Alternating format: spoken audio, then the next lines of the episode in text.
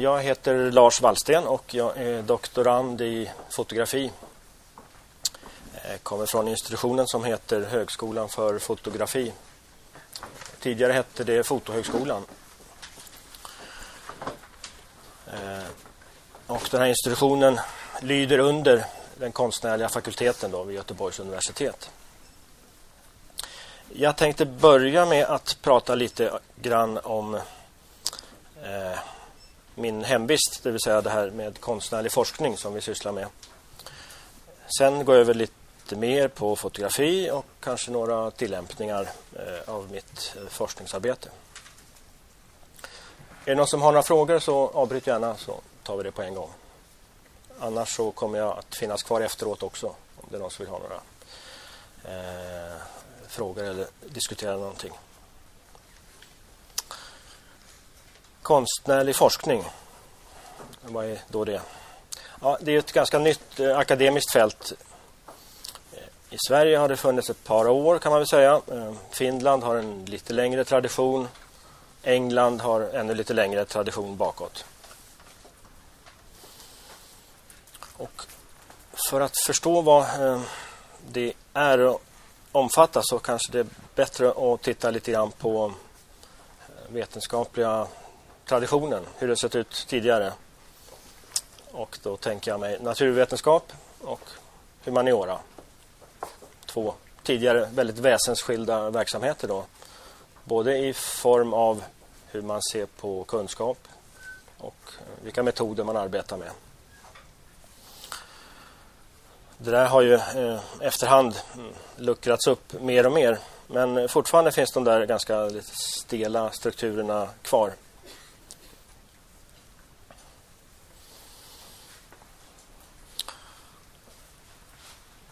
Man pratar om eh, kvantitativa metoder i naturvetenskap, det vill säga räkna, mäta, leda i bevis. Och i humanvetenskapen så pratar man mer om eh, förståelse, mm, eh, kvalitativa metoder som kan vara intervjuer, det kan vara textanalys, bildanalys och liknande. Efter kriget och på 60-talet så eh, började eh, enligt vad jag förstår eh, det där luckras upp en del och man eh, gick över till kulturstudier, cultural studies, det vill säga tvärvetenskap.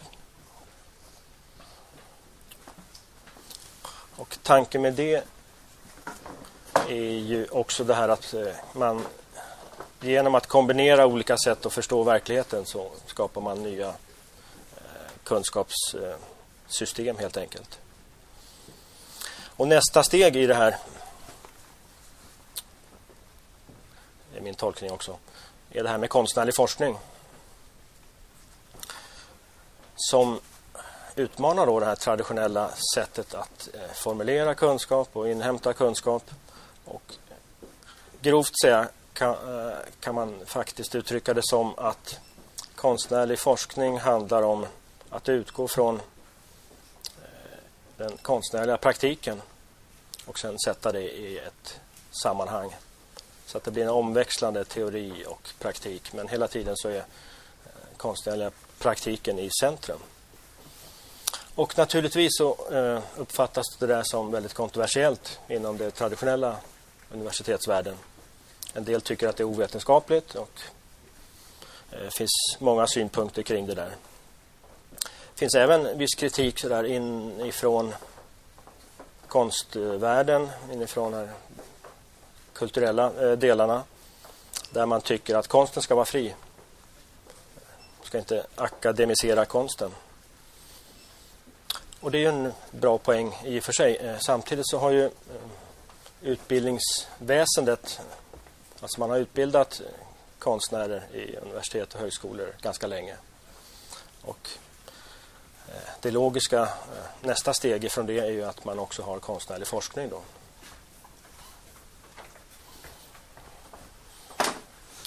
Och avslutningsvis med det där kan jag då säga att eh, det som är fantastiskt och det goda och spännande det är ju den här enorma friheten man har. Man får verkligen formulera det eh, man gör på egen hand. Samtidigt är det också det problematiska. För man har då ingen tradition att luta sig mot. Exempelvis hur avhandlingen ska se ut. Ja, det är upp till dig själv att, att definiera då. Och man får verkligen stå för det man gör.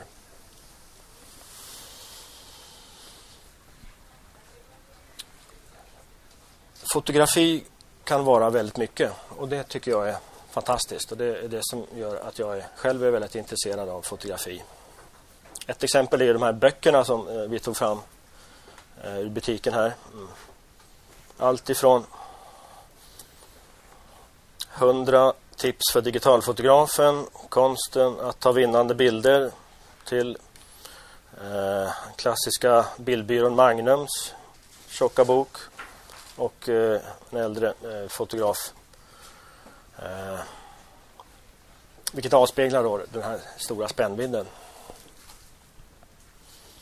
Och det kan vara allt ifrån personligt uttrycksmedel via privat minnesproduktion till vetenskap och eh, myndighetsutövning.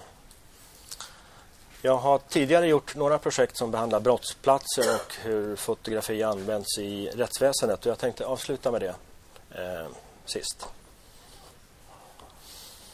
Fotografi har en ganska dynamisk eller man kan säga rörig historia. Eh, både tekniskt och eh, eh, teoretiskt. Utvecklingen har kommit eh, och gått i skov kan man säga. Ganska snabba kast. Ett exempel är ju småbildskameran, den handhållna. När den kom så förändrade situationen väldigt mycket. Och idag så är vi mitt uppe i den digitala tiden. Samtidigt, och det tycker jag man inte ska glömma bort, så existerar då en analog kamerateknik parallellt och det finns också en massa blandformer som eh, tycker jag ställer till det när man diskuterar i, eh, om fotografi. Och det finns många som hävdar att eh, ja, fotografi idag inte är ett enhetligt begrepp och det är liksom inte relevant att prata om fotografi utan det finns många slags fotografi. Man kan också se att eh, gränserna mellan stillbild och rörlig bild på ett sätt håller på att förändras i och med den nya tekniken. Den som lever får se vart det där eh, tar vägen.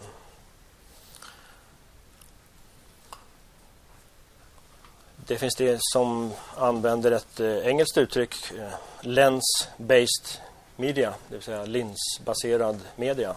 Man ska täcka in Eh, fotografi och det som ligger intill. Som sagt, eh, på samma sätt som det har eh, fotografi i sin plånbok. Upp med en hand. Okej. Okay. Nästan hälften i alla fall. Och... Eh,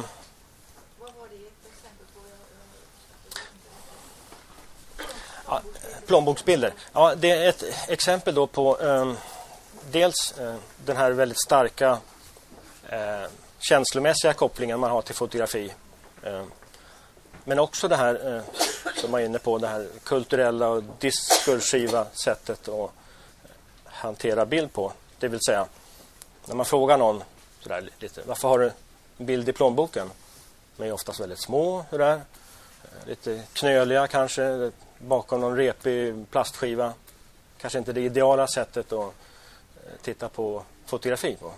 Och då, det är ofta svar, svaret sådär att man skruvar lite på sig och säger att ja men jag har alltid haft det där och det, man ska ha det där och det liksom ingår som någon självklarhet.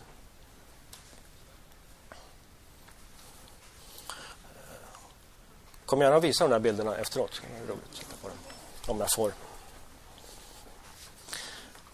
Men som sagt, eh, det där är ofta ett exempel på eh, diskursiva då, när man ser att någonting är väldigt naturligt och man liksom reflekterar inte så mycket över det.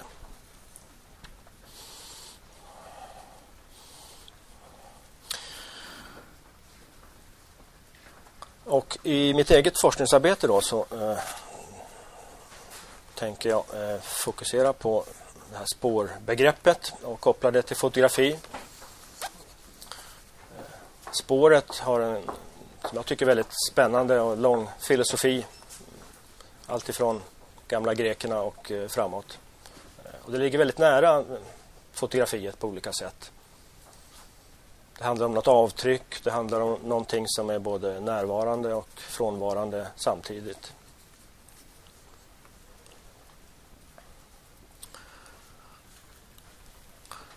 Som jag nämnde har jag också eh, tidigare vänt blickarna eh, mot fotografi och hur fotografi används i eh, rättssystemet.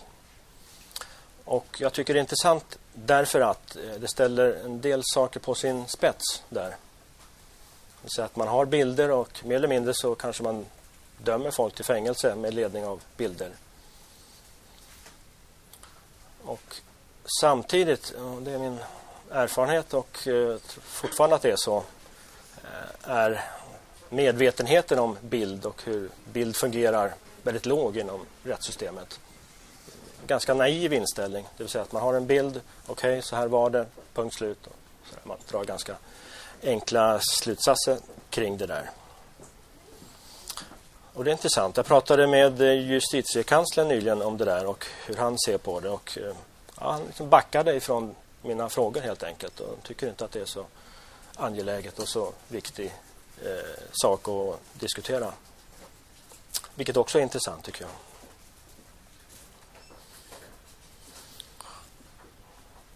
Och avslutningsvis så kan jag nämna att eh, ett aktuellt ärende så att eh, jag medverkade i en advokatbyrås resningsansökan var ett mordfall.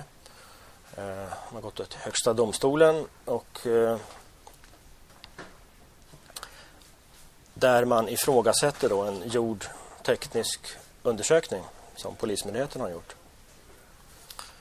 Och det var inte så komplicerat i sig utan det var en rekonstruktion av det här fallet som har dokumenterats i bild. Eh, men händelsen ägde rum på natten på sommaren och den här rekonstruktionen då med utplacerade vittnen var gjord på dagtid, eh, tidig vårvinter. Det vill säga ljusförhållanden var annorlunda och eh, lövfaktorn på träden var också annorlunda. Och det där eh, tycker jag belyser också många saker om fotografi. Det vill säga, eh, vad kan man säga med ett fotografi? Hur kan man resonera kring eh, fotografiet eh, utifrån vissa givna förutsättningar. Och I det där så ligger också någon övertro på, framförallt från de här myndigheternas håll kanske, att man kan visa exakt vad människor såg vid ett speciellt tillfälle i en bild. Och så är ju inte fallet. Och jag är övertygad om att eh, mer och mer i rättsväsendet och eh, kanske i andra sammanhang så kommer en slags second opinion eh, på motsvarande sätt som i USA. Det vill säga att man kanske inte litar på experterna i första instans. Och eh, det ska bli intressant att se den fortsatta utvecklingen på det.